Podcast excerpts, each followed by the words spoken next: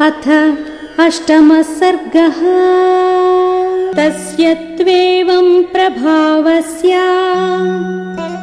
धर्मज्ञस्य महात्मनः सुतार्थम् तप्यमानस्य। नासीद्वंशकरः सुतः